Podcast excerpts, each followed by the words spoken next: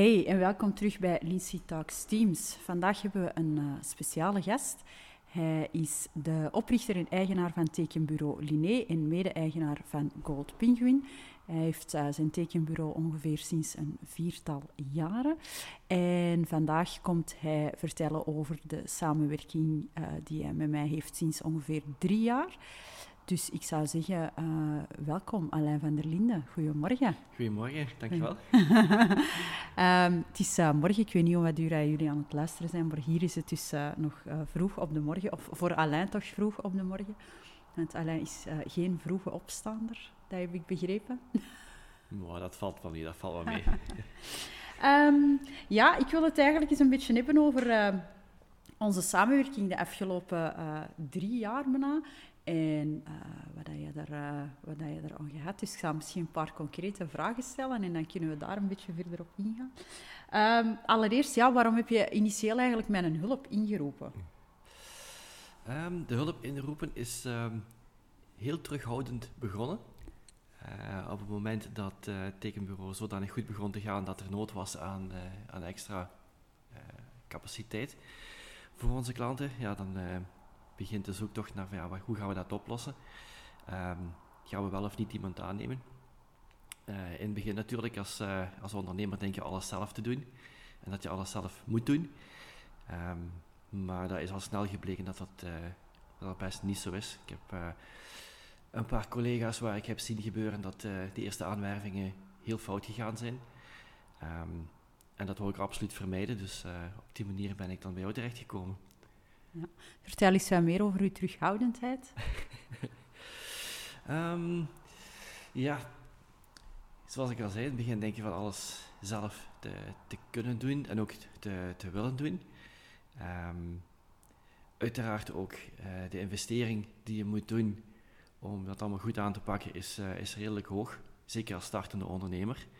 Um, dus dat heeft heel zeker mee, uh, mee gespeeld in mijn, in mijn terughoudendheid.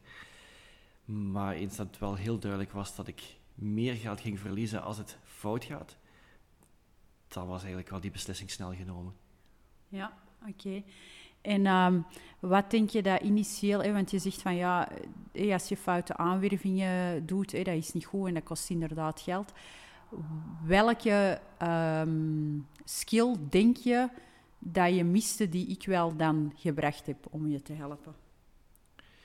Uh, vooral het correct inschatten van de mensen die tegenover je gaan zitten. Uh, ik kom met een technische achtergrond. Ik kan uh, iemands concrete skills op het gebied van, van tekencapaciteit, wat wij nodig hebben, heel goed inschatten. Daar heb ik niemand voor nodig.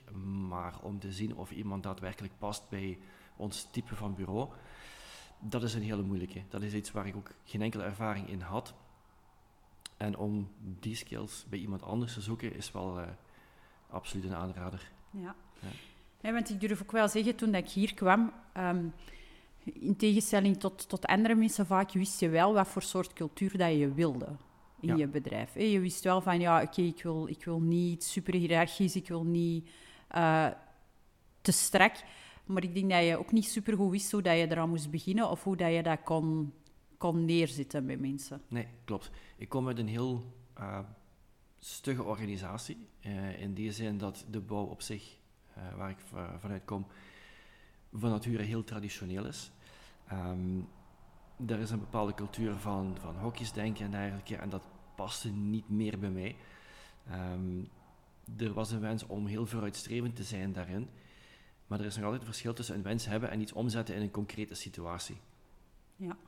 En dat is fijn om daar met iemand over te kunnen sparen, om, uh, om dat uiteindelijk ook om te zetten naar iets, uh, ja, iets concreet. Ja. Um, wat zijn zo de dingen van jezelf die, um, die je zegt van oké, okay, dat doen wij toch anders nu dan andere tekenbureaus? Vrijheid. Vooral vrijheid voor mezelf, vrijheid voor de mensen die, die hier uiteindelijk gaan werken. Um, uiteindelijk, in de basis uh, gaat het erom dat de mensen hun werk doen, maar hoe dat ingevuld wordt, um, bijvoorbeeld naar, naar, uh, naar verdeling van uren, uh, verdeling van dagen, opnemen van verlofdagen en zo, heeft eigenlijk niks te maken met de kwaliteit of de inhoud van je werk. Dus waarom moet dat altijd vastgelegd worden in zo'n strakke stramine? Geef mensen die vrijheid. Iedereen heeft een andere gezinssituatie.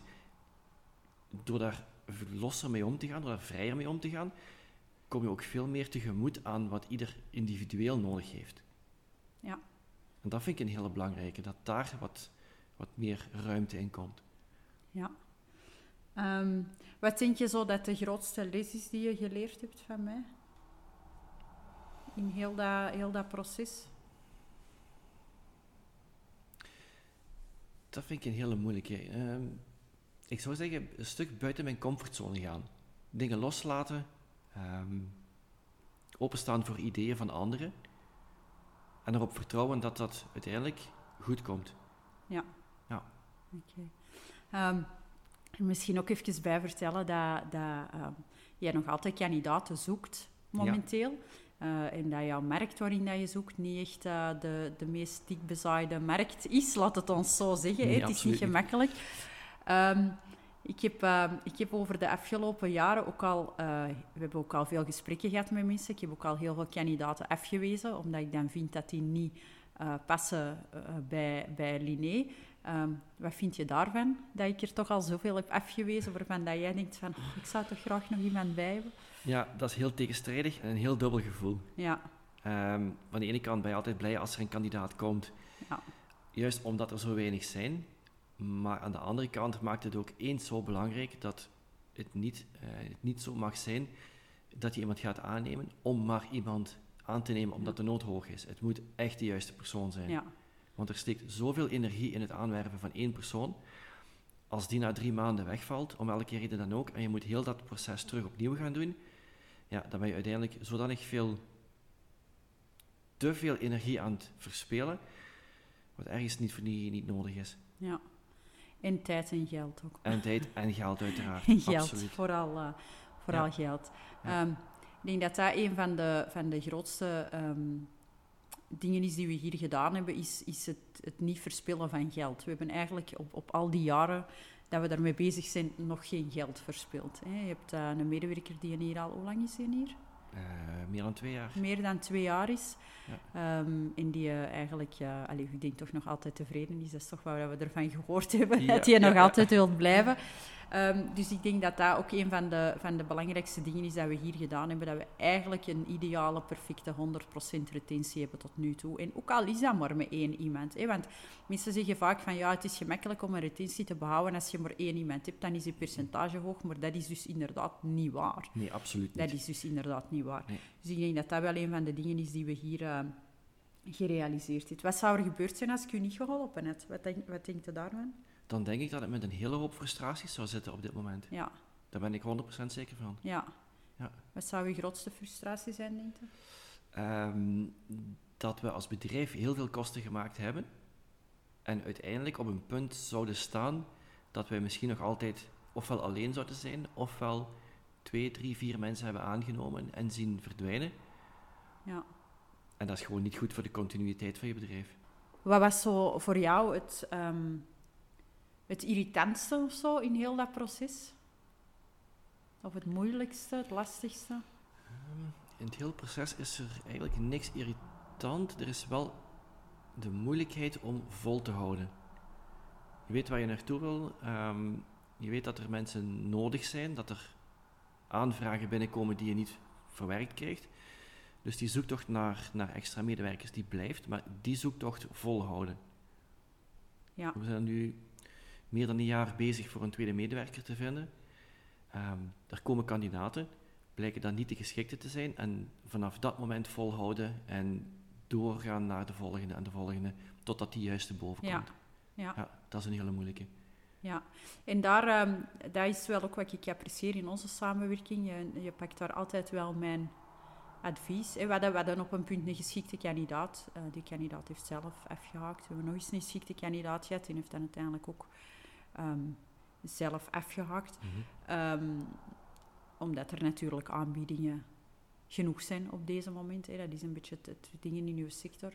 Um, maar dat apprecieer ik ook wel in onze samenwerking. Dat jij, als ik zeg van, ja, oké, okay, deze kandidaat is het echt niet, dat je daar eigenlijk zelfs nog heel weinig vragen bij stelt. Um, ja. En, en um, uh, ik herinner mij gesprekken waarbij dat jij toch best wel enthousiast was achteraf en dat ik iets had van nee, dat gaan we gewoon niet doen. En ehm, ja. achteraf blijkt dan vaak ook wel dat het dan inderdaad, dat we daarover spreken en dat je ook zegt van ja, oké, inderdaad, dat is dan niet de juiste, ja. uh, de juiste persoon. Maar inderdaad, het is, het is een lastige, het blijft een lastige zoektocht. Um, en um, ja, het is gewoon een sector waarin, dat, zoals dat we zeiden, het gewoon niet dik, dik bezaaid ligt momenteel. Uh, maar tot nu toe, met wat we wel gedaan hebben, waren we dan best wel succesvol. En dat is toch een goede indicatie ook voor, uh, voor de toekomst. Um, wat is eigenlijk uw grootste takeaway zo over e-, in heel samenwerking of uw grootste les? Is dat nu een vraag die ik er juist ook al gesteld heb? Nee. Nee? Ah, oké. Nee, nee, niet op deze manier. Um, de grootste les, zou ik kunnen zeggen, is van, van mij uit meer naar andere ondernemers toe, is als je de stap zet om iemand in te schakelen, om je bij te staan in die zoektocht, luister daar ook naar en doe wat die zeggen, want je neemt iemand aan met de bedoeling om daar beter van te worden. Je neemt iemand aan die die bepaalde skills heeft die je zelf niet hebt. Probeer dat niet te overroelen door, door zelf alles alsnog te willen doen. Ja. zoals in, in jouw geval, je hebt een paar keer gezegd van ja, deze kandidaat wordt hem niet. Ook al dacht ik, puur op het technisch gedeelte bekeken. Dat is wel goed. Als jij zegt, kijk, die persoon past niet binnen jouw bedrijfscultuur, dan is dat zo. Ja. Jij weet waar ik naartoe wil, je weet waar we voor staan, je weet wat we zoeken. Ehm, als jij met jouw skills inschat, dit is hem niet, dan is het aan mij om daar gevolg aan te geven en daar gewoon naar te luisteren. Naar, naar te luisteren. ja, natuurlijk. Ja, want dat is uiteindelijk ook ja. de reden waarom dat ik jou gevraagd heb om die samenwerking te doen. Ja, ja dat is inderdaad ehm, iets wat ik natuurlijk tegen klanten altijd zeg. Hey, doe wat ik zeg en het komt in orde. maar uh, dat is iets wat jij goed gedaan hebt. Hè. Daarom zeg jij mijn modelklant. Hè. Je doet... Uh, wat ik zeg, we zijn daar ook, ondanks dat het moeilijk is nu zeker om de juiste mensen te vinden in uw sector, zijn we daar dan toch, we zeiden dat er juist ook al redelijk succesvol in geweest en dat is een deel door dat jij gedaan hebt, wat ik zei. En dat ik mensen heb afgewezen waarvan dat jij nog wel zei van, oh, misschien toch wel, dat ik zoiets had van, nee. Ja. Ehm, wat denk je um, dat je grootste les is geweest in de Want je hebt nu een medewerker, sinds ja, twee jaar, twee jaar en een mhm. half bijna. Uh, wat is uw grootste les geweest als leider? Mijn grootste les als leider is vooral dat er een verschil bestaat tussen het manager zijn en het leider zijn op zich. Um, in het begin van de, van de opstart van het bedrijf zijn we vooral bezig met, met het managen. Um, met de met dagelijkse gang van zaken binnen het bedrijf op zich. Um, gaandeweg, als er medewerkers komen, dan ga je ook leiderschap moeten toepassen. En dat is toch wel iets helemaal anders. En dat is een heel grote les geweest. Ja. Wat vind je het moeilijkste aan mensen leiden? Daar heel bewust mee bezig zijn. Dat is niet iets wat, ehm, wat op vijf minuten gedaan is. Je moet daar echt heel, heel bewust mee omgaan. Consequent mee omgaan. En ook altijd mee blijven omgaan. Ja. Sowieso. Ja, want uh, mijn eh, theorie over leiderschap, waarin dat, ik, dat, eh, dat, dat vaak haaks staat, een beetje op... Ehm, op wat andere mensen doen, is dat je eigenlijk moet leiden vanuit de mensen. Hè. Daar hebben wij heel veel gesprekken over gehad, over, over ehm, wat heeft iemand nodig van u en niet van wat soort leider wilde jij zijn en dan gaat een one-size-fits-all theorie toepassen op iedereen. Nu, bij u is dat nog makkelijker natuurlijk, omdat je maar één iemand hebt en dat is nog uh, minder moeilijk als dat je een grote groep hebt. Je hebt meer tijd om je te focussen op die ene persoon. Wat denkt uh, jij dat u nu voor uw medewerker een goede uh, werkgever maakt? Misschien moet ik hem dat zelf eens vragen. ja, ik denk dat hij daar beter antwoord op kan geven dan ik. Um, wat ik er zelf wel van kan zeggen, is dat we heel bewust omgaan met het uitgangspunt van wat hij als werknemer nodig heeft, of wat ik als werkgever voor hem kan doen, zodat hij zich prettig voelt in zijn, in zijn werk, in zijn werksituatie. Um, eigenlijk dat hij gewoon een gelukkige werknemer is. Ja. Dat is een heel belangrijke. Ja. ja, dat is iets waar heel veel wordt rond gedaan hè, tegenwoordig, hè, rond, uh, rond uh, werkgeluk. Nu, um, ik weet dat dat hier bij jou is dat geen holle term, want heel veel grote bedrijven uh, gooien heel graag met de term werkgeluk en wij vinden het belangrijk hè, dat er werkgeluk is. Maar wat is werkgeluk? Want werkgeluk is voor iedereen individueel iets totaal anders. En dan kom ik terug een beetje op die uh, one size fits all. Hè. Met werkgeluk in grote bedrijven wordt dat vaak ook zo toegepast. Van ja, maar wat een ene werknemer gelukkig maakt, maakt een andere daarom niet gelukkig. En uh, daar hebben het ook over gehad. Hè, over, ik, ik, durf ehm, bij mijn klanten graag het pakje met de vijf talen van de liefde. Ik wil voor dat boek niet te veel reclame maken, want die mensen dat geschreven hebben, zijn echt vreselijk. Uh, maar daar gaat het inderdaad wel een beetje om. Hè. Wat ik nodig heb, is niet wat iemand anders nodig heeft. In, in die vijf talen van de liefde kunnen nogal één op één. Ik zou physical touch er buiten laten, dat zeg ik er ook altijd bij. Maar kunnen wel redelijk één op één doortrekken in bedrijven van, van wat heeft iemand nodig van jou? Waarom... Ja, waarom... waarom waarom voelt iemand zich gewaardeerd of waarom voelt iemand zich geapprecieerd? Bij sommige mensen hebben graag aandacht, andere mensen hebben graag een cadeau, andere mensen, uh, sommige mensen vinden het leuk om een soort van... Hey, want in grote bedrijven zie je veel, ja, en dan doen een groot bedrijfsevent en mensen vinden dat tof, maar heel veel mensen vinden dat ook gewoon niet tof. Mensen vinden dat niet tof, want sommige mensen hebben zoiets van, laat mij op mijn vrijdag in mijn zetel zitten en ik heb geen goesting om nog eens met collega's iets, iets, iets te gaan doen. Dus dat, dat, is een beetje van, ja, oké, okay, wat is werkgeluk? En ik denk dat je daar wel, wel heel hard uh, mee bezig bent en dat we daar ook bezig mee gaan blijven. Ja. Um, als je nog meer medewerkers krijgt. Ah, wel, nu had ik er juist echt een geniale vraag en nu ben ik ze kwijt. Nu ben ik ze kwijt. We hebben het er straks ook al even gehad over, uh, over hey, hoe, dat, je, dat je zelfstandige bent geworden. Um, wat zijn zo de dingen die je meegenomen hebt uit je tewerkstelling van daarvoor, dat je zegt van dat wil ik als, als, als leider of als manager echt niet doen? Um, vooral het hokjesdenken en medewerkers beperken in hetgeen wat ze graag doen. Ja. Dat is een hele belangrijke. Stuk van de ontwikkeling van, van, van je medewerkers zit hem ja, in, in, in die dingen die ze graag doen. En als je mensen daar de ruimte voor kunt geven, geef je al een stukje werkgeluk mee. Ja. Door dat in, in te perken of door die, die, die mogelijkheden weg te nemen, neem je ook een stukje geluk weg. Ja. Ik denk dat we er straks al even iets over gezegd hebben. Over, over, uh, je zei van ja, als mensen met je willen samenwerken, moeten ze gewoon doen wat jij zegt. Uh, maar kun je dat iets concreter maken? Waarom moeten mensen wel met mij samenwerken? Alleen moeten. Hè, moet niks, maar... waarom mensen met jou zouden samenwerken?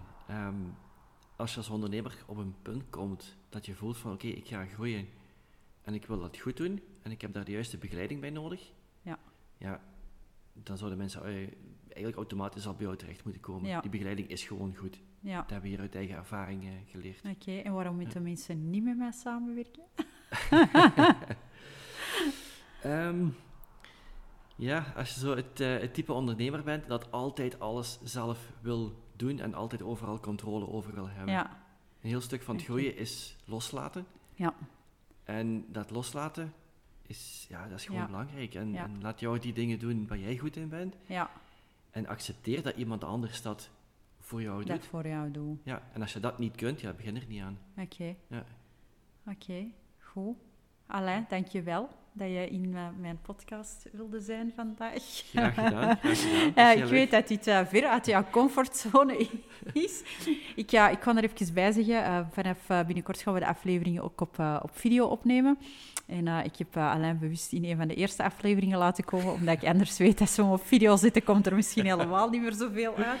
Dus Bedankt voor het, uh, voor het gesprek in ieder geval. Graag gedaan. Um, als jullie graag met mij in contact willen komen, hierover verder willen praten, mij een berichtje willen sturen, dan kan je onder in de beschrijving mijn uh, gegevens vinden. Bedankt voor het luisteren en tot uh, de volgende keer. Dankjewel. Dag.